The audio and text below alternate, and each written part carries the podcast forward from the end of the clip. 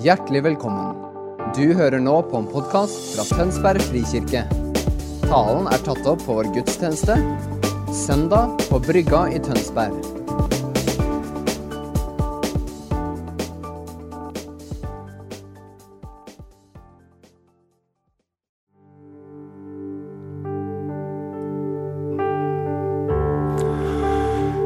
Velsigna godt nytt år, alle sammen.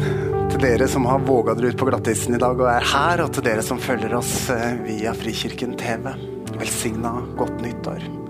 For en flott måte å starte det nye året på. eh, Å stå i denne bønnen og denne proklamasjonen om at vi tror på miraklenes Gud. Ja, at vi tror er et mirakel i seg sjøl. Og ved inngangen til dette nye året så har jeg lyst til å bare minne dere om Se tilbake. Tenk på alle de gangene Gud har vist seg trofast inn i våre liv. Og igjen og igjen og igjen demonstrert hvem han er. At han er til å stole på. At han er den han sier han er. Og at vi har all grunn til å sette vårt håp til han. Denne talen blir en type introtale. Um, vi skal grave litt i ordet, men aller mest har jeg lyst til å åpne for dere det perspektivet som vi skal være i denne våren. Et nytt tema for hele 20, våren 2022, og det er 'Vi tror på Jesus Kristus'. Og Bak den enkle og sentrale overskriften ligger det mange ting som vi skal bore i og folde ut og ta i eie på nytt denne våren. Men for det første vi tror. Ikke jeg tror. Ikke du tror. Men vi tror. Kirkens tro har alltid vært fellesskapets tro. Den enkeltes tro og troserfaring er viktig, men vi bygger ikke troen vår på vår egen troserfaring alene, dere. Vi bygger den på kirkens tro. Fellesskapets bekjennelse. Og på det åpenbarte ordet som for alltid har vært den primære kilden og veien til hvem Gud er for oss. Samtidig sam, Nei, ikke samtidig. Samtida vår legger stor vekt på det subjektive. Og vi preges av det, alle sammen.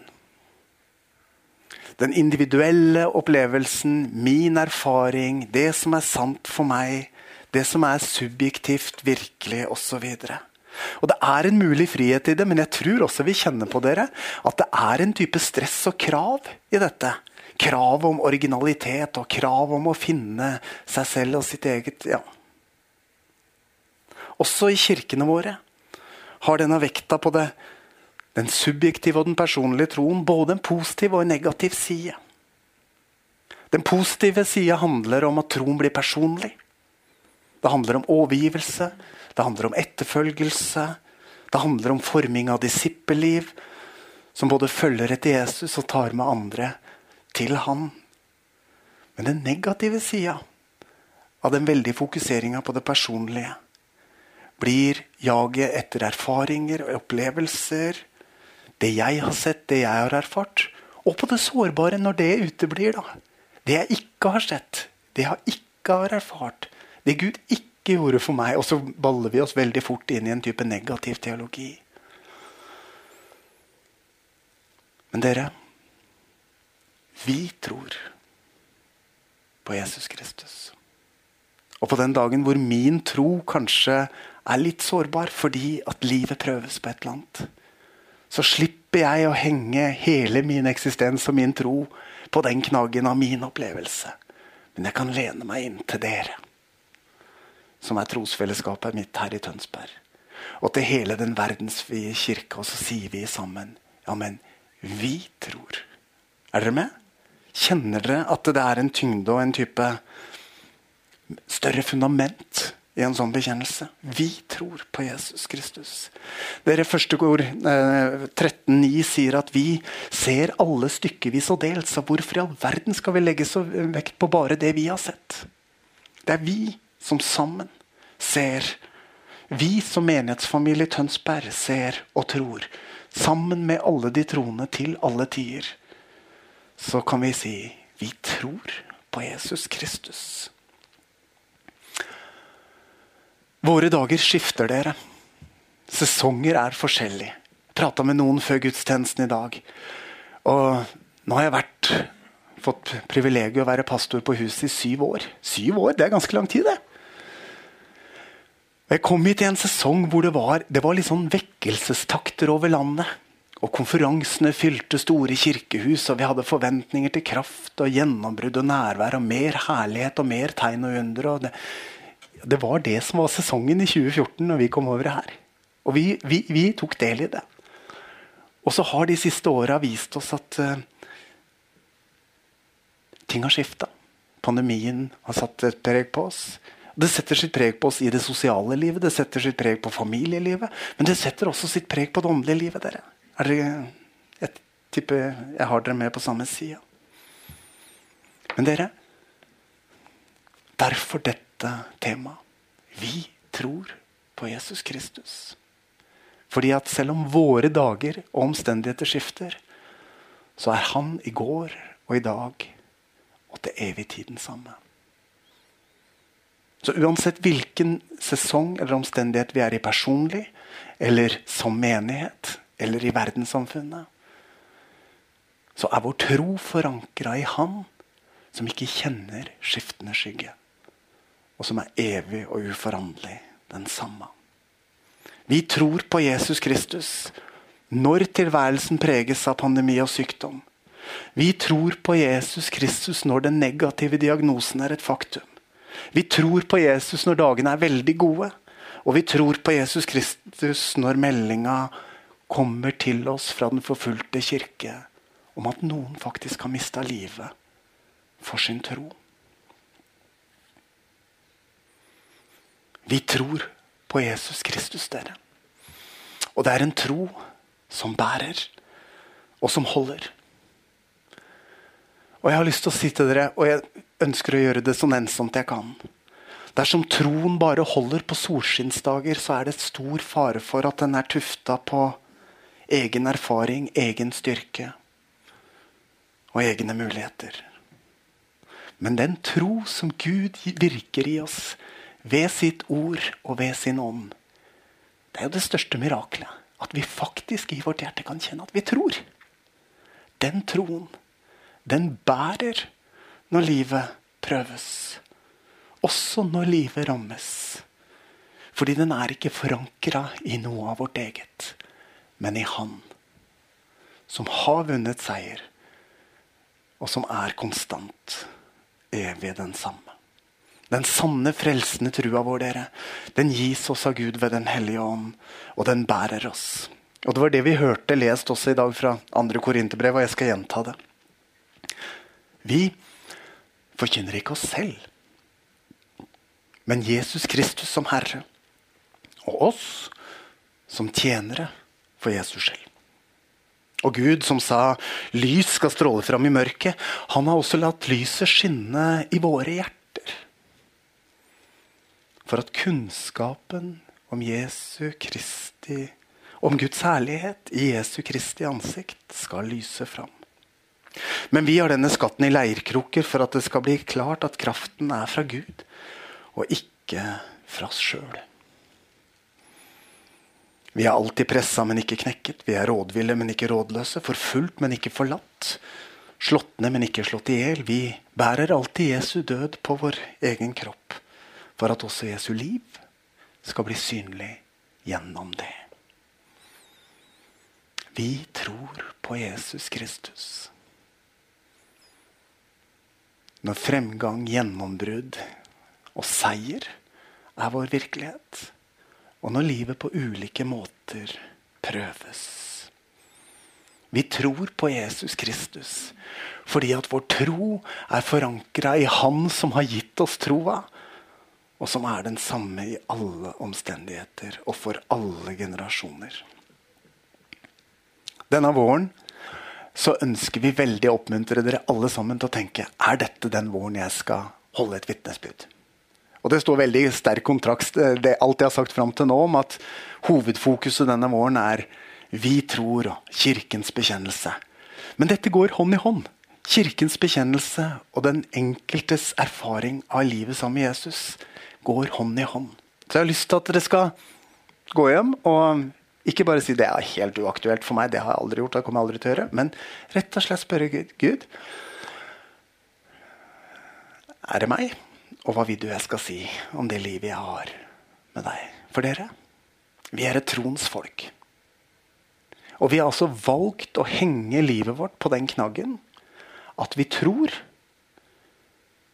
på Han som har satt alt i gang, og som har en evighet for oss. Og at vi tror det, er helt irrasjonelt. Hvis ikke det var for at Gud virka den troen i oss. Så når vi har gjort det, og satsa på det kortet, så har vi alle sammen et vitnesbyrd. Og det jeg har lyst til denne våren, det er at samtidig med at vi går grundig inn i ordet, løfter fram evangelietekst etter evangelietekst, for det er det vi skal gjøre denne våren, og graver i ordet for å få mer forståelse av hvem Jesus er, så har jeg lyst til å pare det, kombinere det, med at vi hver søndag utover denne våren har et vitnesbyrd om jeg tror på Jesus Kristus. Og sånn er han for meg. Har du lyst til å være med på det? Ja, jeg legger merke til den som sier ja nå. Kommer det en e-post i morgen? Ja, men Det håper jeg vi har. Uh, og at vi på den måten også kjenner at vi styrker familiefølelsen.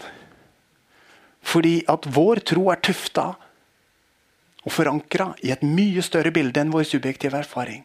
Men vi blir så uendelig velsigna og mye rikere når vi får høre fortellingen fra den ene etter den andre etter den tredje.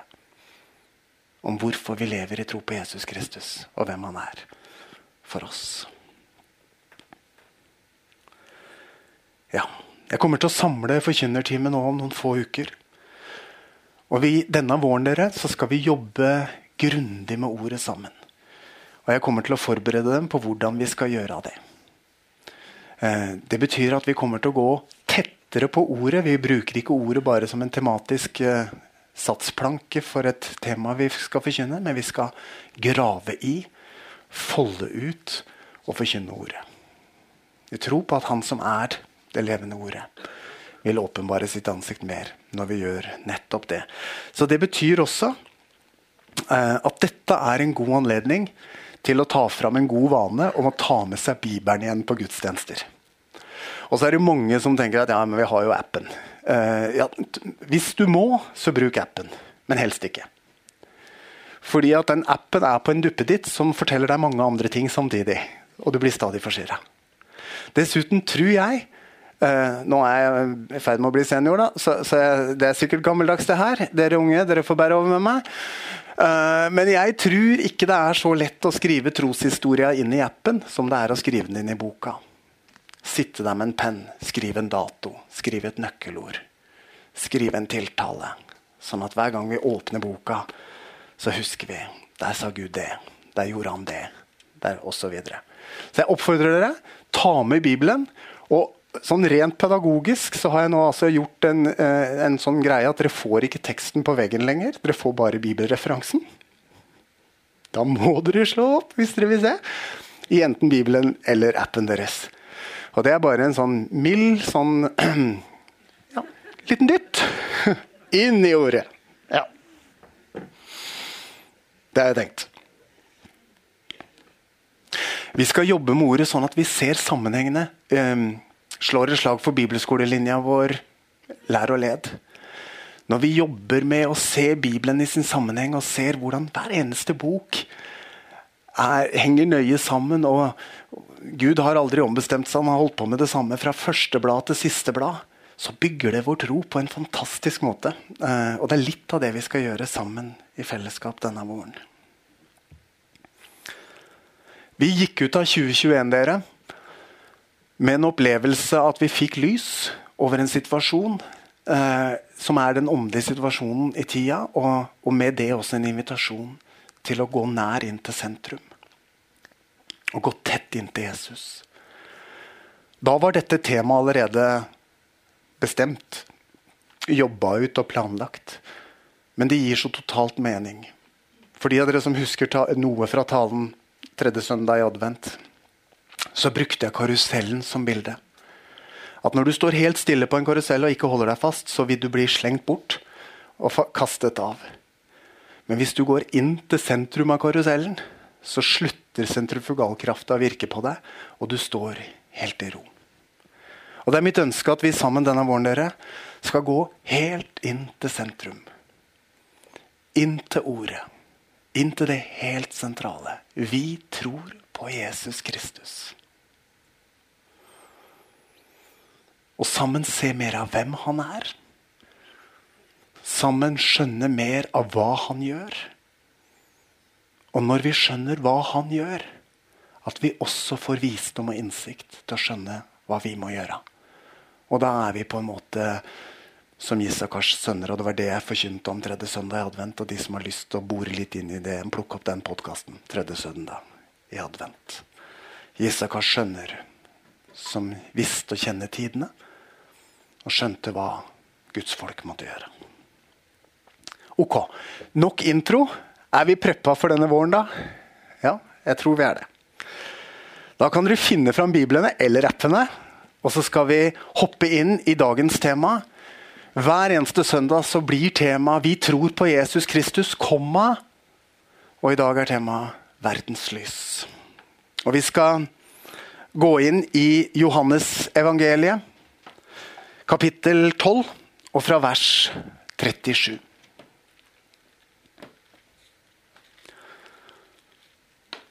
Enda de hadde gjort så mange tegn for øynene på dem, trodde de ikke på han.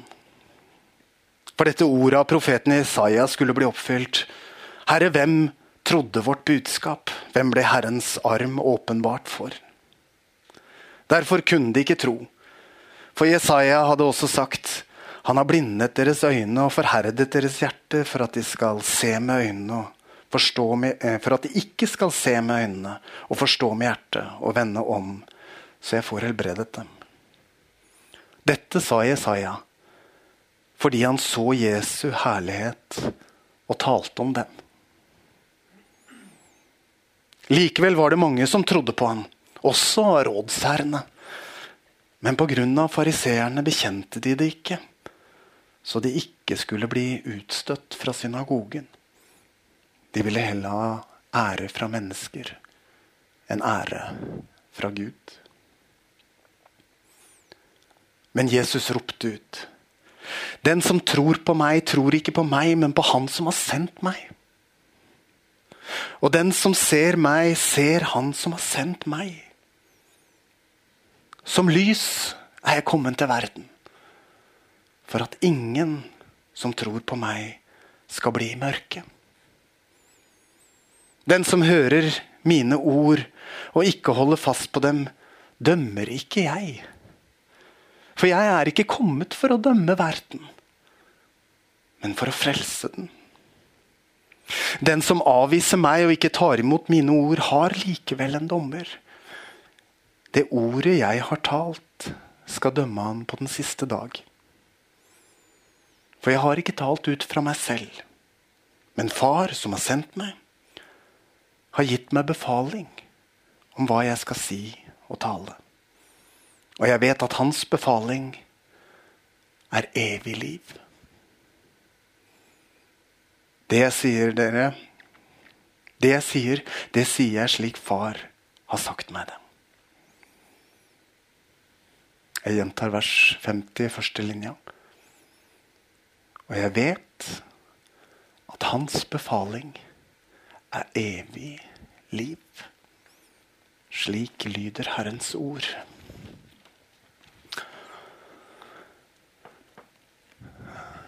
Herre Jesus, må du la din ånd virke på oss og gjennom ditt ord. Takk at du har gitt oss troens gave. Og Nå ber vi for de som ennå ikke har fått lov til å ta imot den gaven, at du må åpne deres øyne. At du ved din ånd rører deres hjerter. Og at dette kan få være en frelsens dag for en eller flere som får se deg og får muligheten til å si ja til deg. Og Jesus, for oss som har kjent deg lenge, så ber vi. Åpne våre øyne på nytt, så vi ser mer av hvem du er. Amen.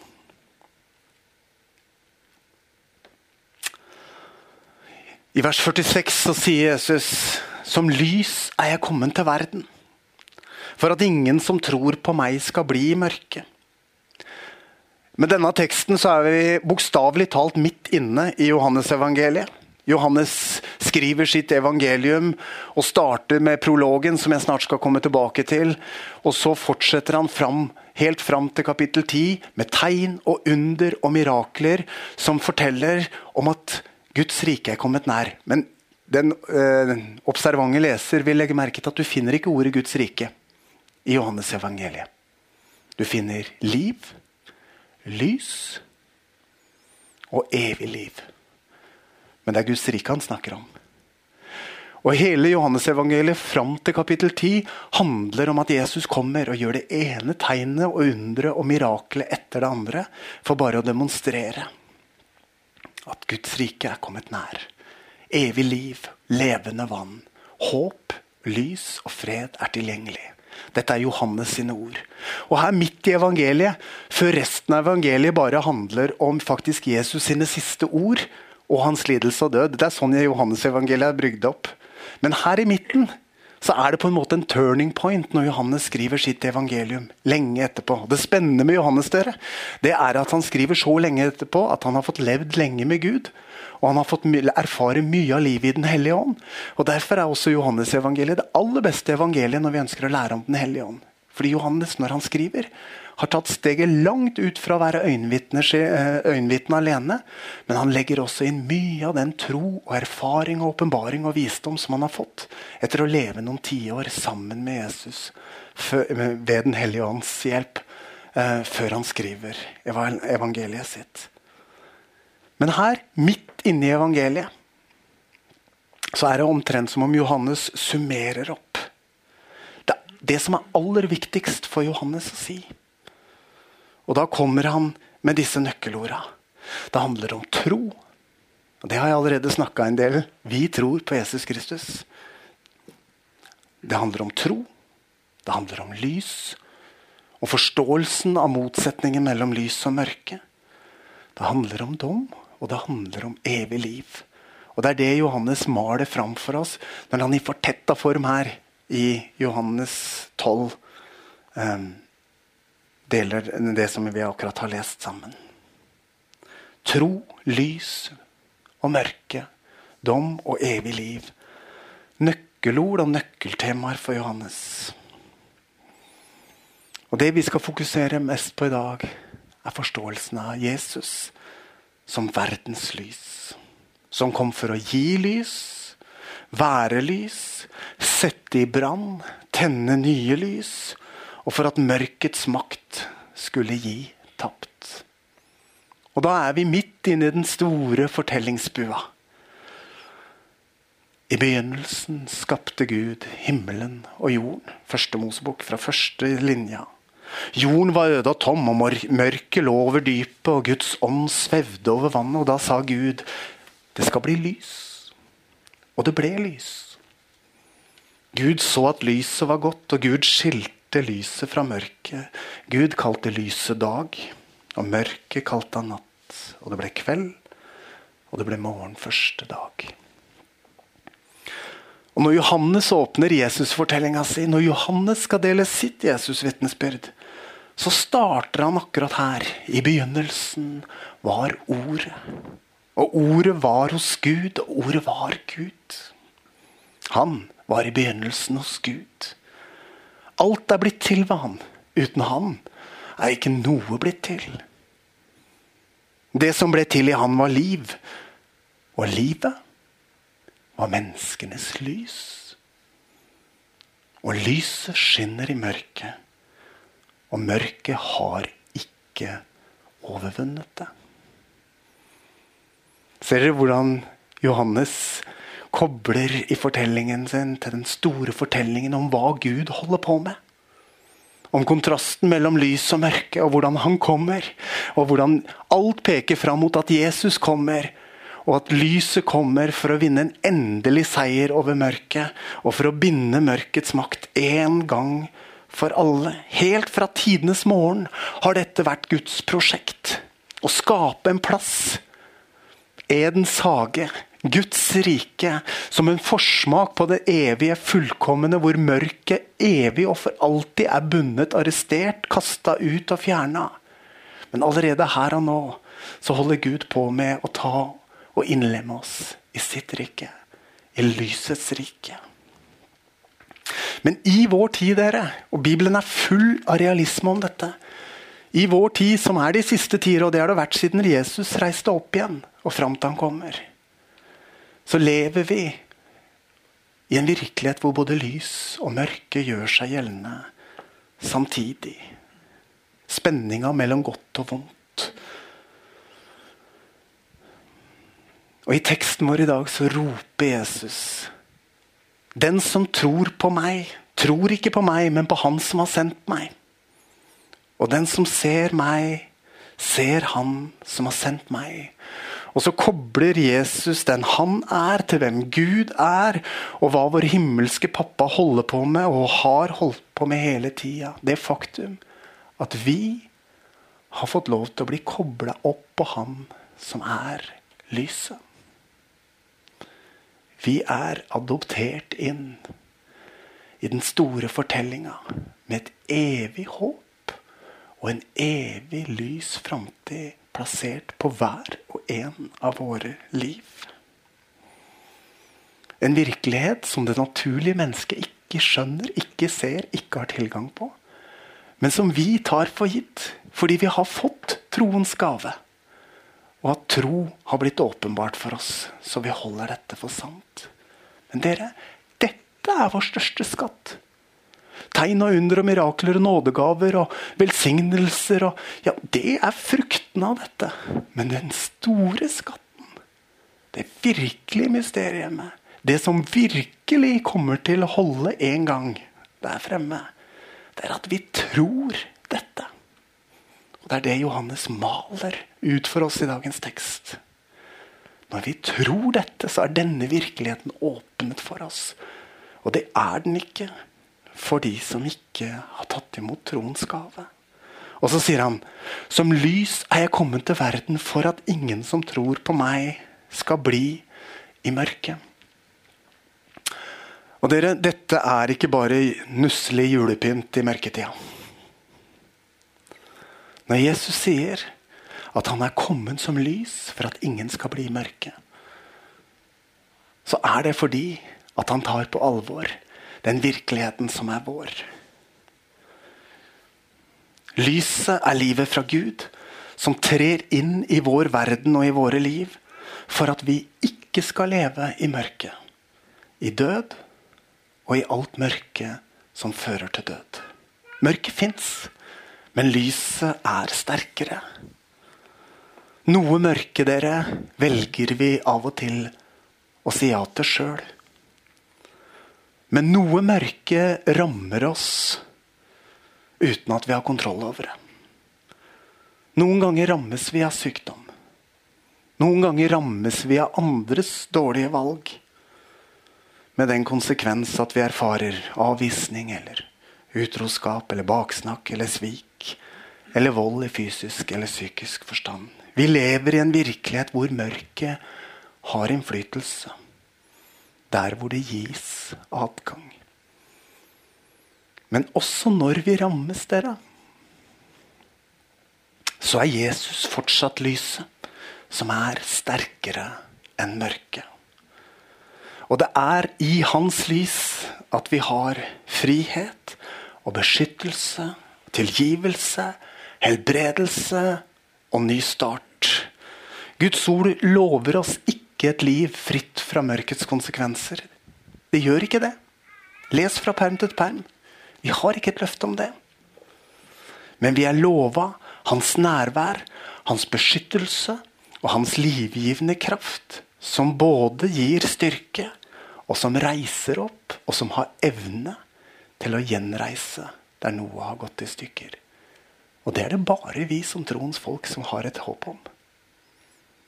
Og eier et håp om. Og så er det dere uendelig stor forskjell på å leve i mørket og bli ramma av mørket. Er dere med på det? Det er enorm forskjell. Jesus har fridd oss ut av mørkets makt. Og veien ut av mørket går gjennom de gamle kjerneorda som vi ikke alltid løfter fram. Det går gjennom omvendelse, tilgivelse, helbredelse og gjenopprettelse. På denne sida av evigheten, dere, så kommer ikke dette livet uten en pris og en kostnad. Men Jesusveien er veien gjennom mørket og ut av mørket. Og veien går ikke gjennom å reise seg og stå i en kamp, men ved å bøye kne og legge av. Og bekjenne overgi, gi slipp på og gi fra seg, og så erfare at vårt liv kobles opp på Han og hans seier. Og det vi da får tilbake, det har ikke mørket adgang til. Problemet er at du og jeg stadig holder fast i en del ting som vi vil eie, og som ikke er dekka av hans beskyttelse og hans velsignelse. Og da kan vi rives og slites. Men alt vi har overgitt, har vi gitt fra oss. Da har de ikke noe makt på oss, med oss eller mot oss lenger. Og det vi får tilbake, ja, det har ikke mørket adgang til. For det kommer med himmelens beskyttelse. Jeg har ikke tid til å gå inn i de bibelversene som begrunner dette, men dette er kjernesant i Guds ord.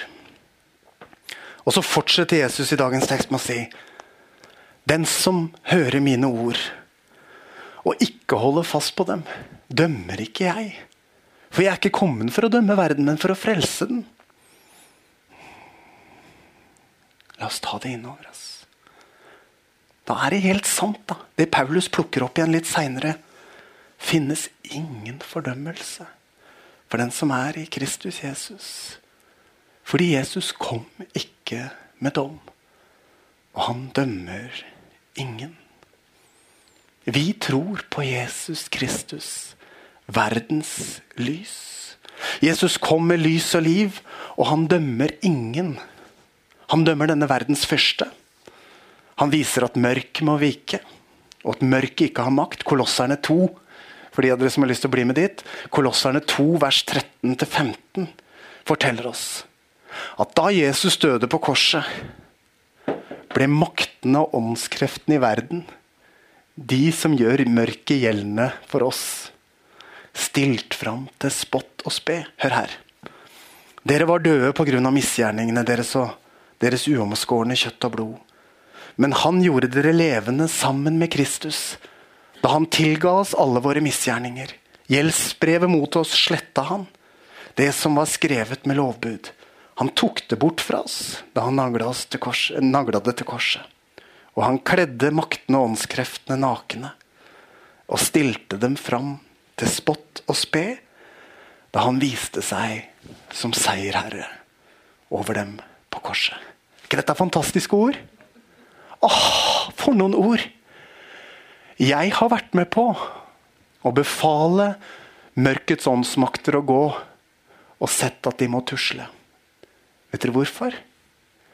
De husker den gangen de var stilt ut til spott og spe da Jesus døde.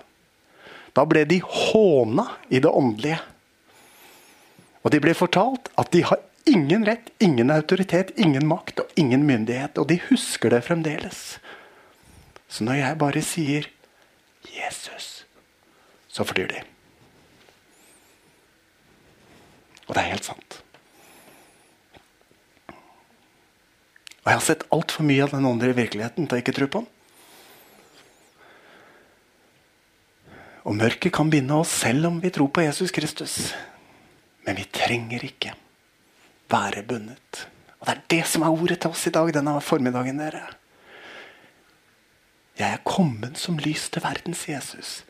For at dere ikke lenger skal være i mørket. Jesus kom for å sette oss fri. Og Jesus dømmer oss ikke. Så ikke døm deg selv, da. Eller andre. For Gud gjør det ikke. Han kom for å sette oss fri. Jesus kom ikke for å dømme verden. Og er du her inne eller følger du med oss på TV, Frikirkens TV, TV, og du ikke har tatt imot troen? Dette er, gode, dette er gode nyheter. Du dømmes ikke.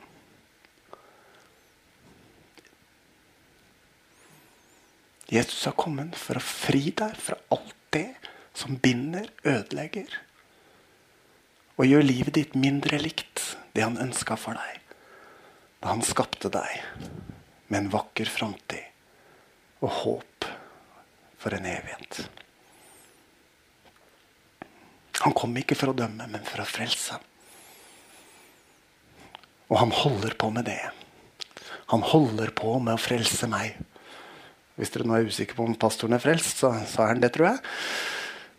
Men han holder på å frelse meg. Han holder på å jobbe med mitt liv for å fri meg og reise meg opp. Gjenreise og nyskape meg for hver eneste ny dag. Og det håper jeg han får lov til med dere også. For det er det han gjør best. Det jeg gjør best, er å overgi mitt liv i hans hender. Det han gjør best, er å stelle med meg og deg og reise oss opp til nytt liv. Jesus kom ikke for å dømme. Men la meg likevel si det, og jeg vet nesten ikke hvordan jeg skal få sagt det tydelig nok. Vi kan ikke velge både lys og mørke. Vi kan ikke velge både frelse og det nye livet i Jesus og si ja til mørket samtidig. Og nå er det sikkert noen av dere som skjelver og tenker å, ja, men det har jo jeg gjort.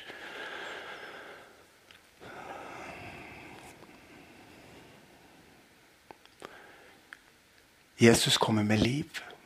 Livet og lyset er evig liv som tar oss helt hjem. Mørket er alltid mørke, og det kommer alltid med død. Er dere med? Dette handler ikke om synd og nåde. Dette handler ikke om hvor moralsk du og jeg er eller ikke, og hvor flinke vi er eller ikke. Det er bare det faktum at hver gang vi gjør noe eller sier ja til noe av det som har mørke i seg, så sier vi ja til noe av det som har død. Og så inviterer vi død inn i livet vårt på ett eller flere områder. Så det å få nåde til å leve helt rent, oppreist og fritt, det handler ikke om en moralsk medalje.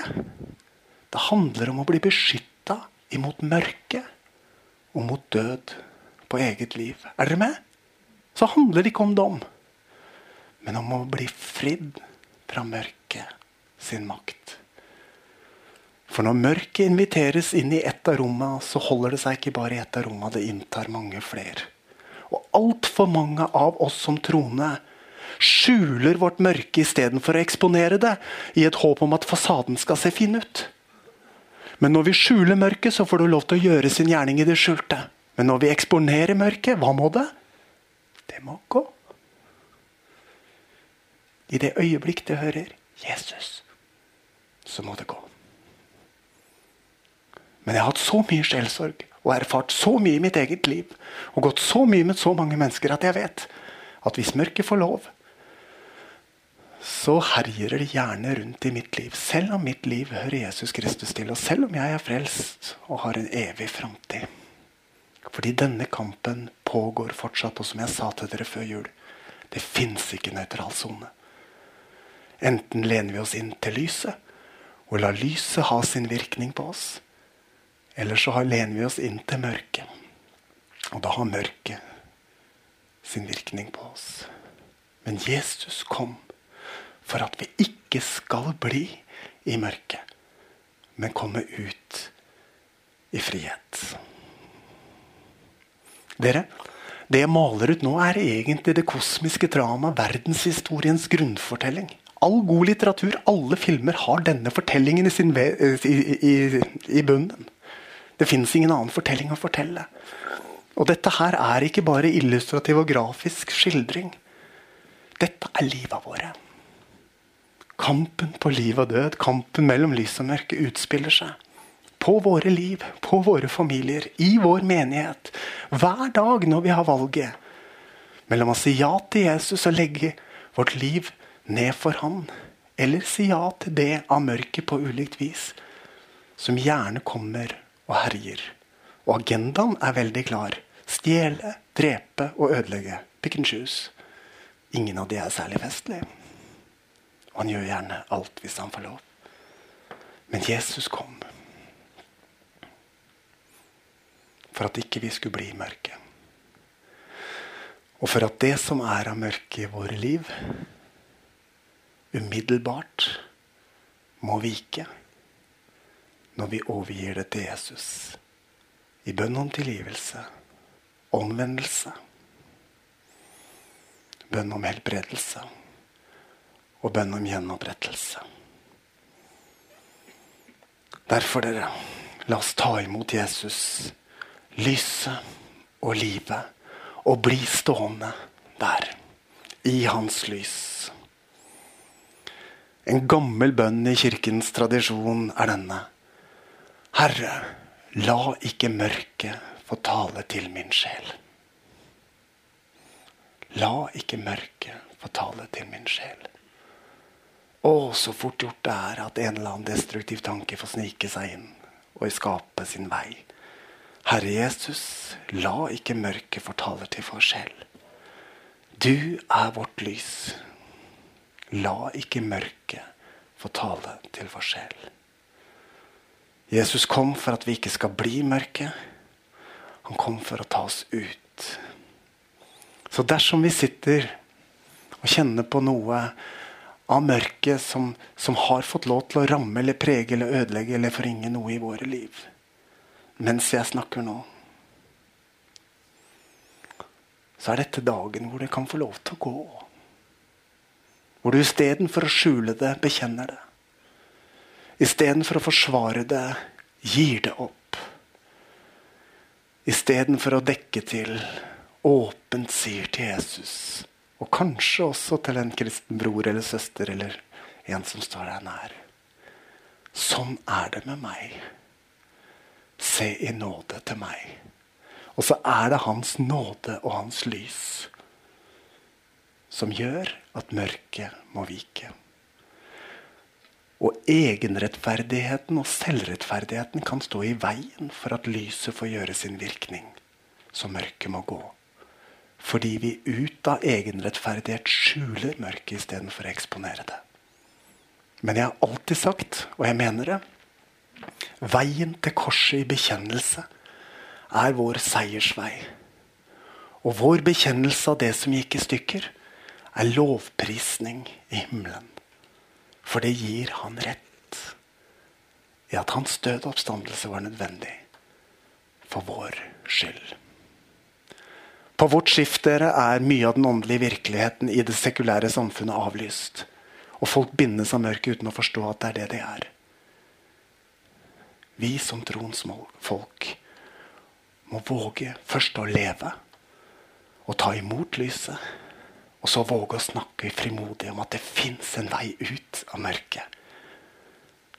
Og den veien har et navn. Jesus. Mørket jobber gjerne in disguise.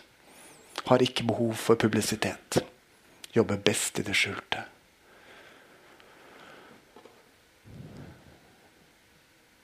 Men jeg rystes fra tid til annen når jeg ser hvor mange mennesker som ligger under for mørket på ulikt vis. Og som kunne ha sluppet hvis de ville ta imot lyset, livet, frelsen og friheten som bare fins i Jesus. Mørket har allerede tapt. Det er stilt fram til spott og spe, og mørket veit det. Så når vi eksponerer det i våre liv, så må det gå, og Guds nåde og kjærlighet få lov til å virke på, stelle på og fornye våre liv.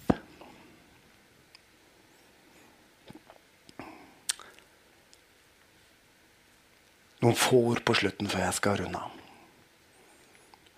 Om eh, de siste versene fra vers 48 til 50. Jesus legger ikke skjul på domsperspektivet, og da må heller ikke vi gjøre det. Jesus sier, 'Den som avviser meg og ikke tar imot mine ord, har likevel en dommer.' Det ordet jeg har talt, skal dømme han på den siste dag. For jeg har ikke talt ut fra meg selv, men Far, som har sendt meg, har gitt meg befaling om hva jeg skal si og tale. Og jeg vet at hans befaling er evig liv. Det jeg sier, det sier slik far har sagt meg det. Igjen fars befaling er evig liv. Fars befaling er ikke dom. Det er liv. Evig liv. Og det skal vi fortsette å fortelle, for det er det Jesus forteller til oss.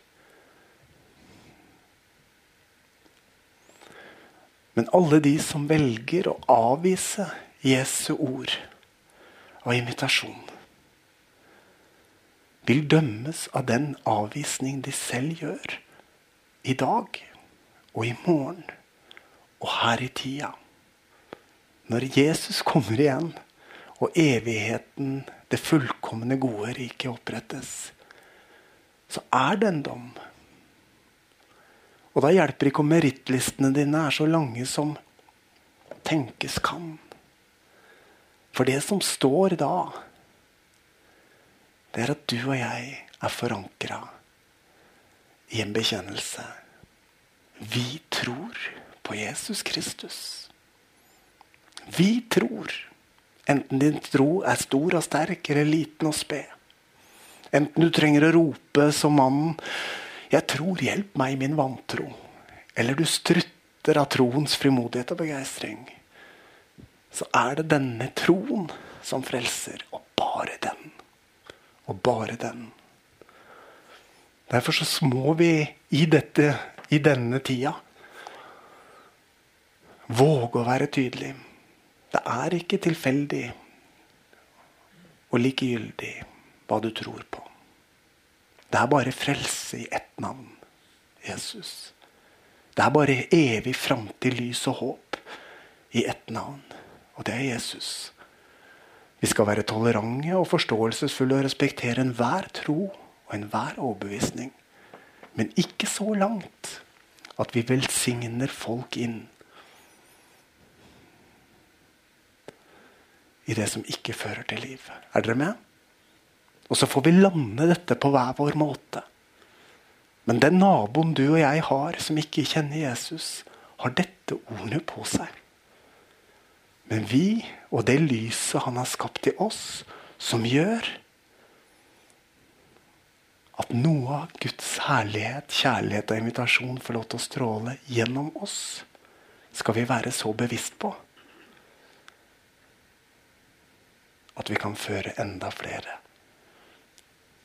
til Jesus. Er dere med? Det er det store, grunnleggende temaet i dag. Frelse og fortapelse. Lys eller mørke. Og det er ikke gråsone. Vi er kirke midt i Tønsberg. Og vi bekjenner at vi tror på Jesus Kristus. Og dere, da er vi satt der for å fortelle videre. At vi forkynner ikke oss selv. Og nå siterer jeg og parafraserer jeg bare andre kor fire som vi har vært i noen ganger. Vi forkynner ikke oss selv, men Jesus Kristus som Herre. Og oss som tjenere for Tønsberg. For Jesus selv. Og Gud som sa lyset skal stråle fram i mørket, han har latt lyset skinne i våre hjerter. For at kunnskapen om Guds herlighet i Jesu Kristi ansikt skal lyse fram i vår by og i våre liv. Men vi har denne skatten i leirkrukker for at det skal bli klart at kraften er fra Gud og ikke fra oss sjøl. La oss be sammen. Jesus, takk. Tusen, tusen takk for at du er verdens lys. Vårt lys. Tusen takk for at du har gitt oss troens gave. Og at du har tent ditt lys i våre hjerter. Takk for at du har gitt oss det mest dyrebare av alt. Du har gitt oss troen og håpet om evig liv, omslutta av din godhet og nåde og kjærlighet. Herre, led oss ved ditt ord og din ånd. La ikke mørket fortale til vår sjel. Og la det lyset som du har tent i våre hjerter, få stråle fram. Ha sin virkning. Så vi kan leve oppreiste, frie og frimodige liv. Beskytta av ditt nærvær og din kjærlighet og din fred. La oss denne våren, Jesus, få lov til å bekjenne som menighet. Vi tror på Jesus Kristus. Og la det vitnesbyrdet forløse ny tro i mange menneskers hjerter. Det ber vi da om Jesus. Amen.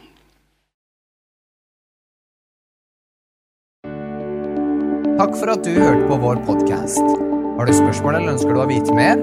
Søk oss på vår nettside tonsbergfrikirke.no. Du er også velkommen til kirke på Brygga i Tønsberg.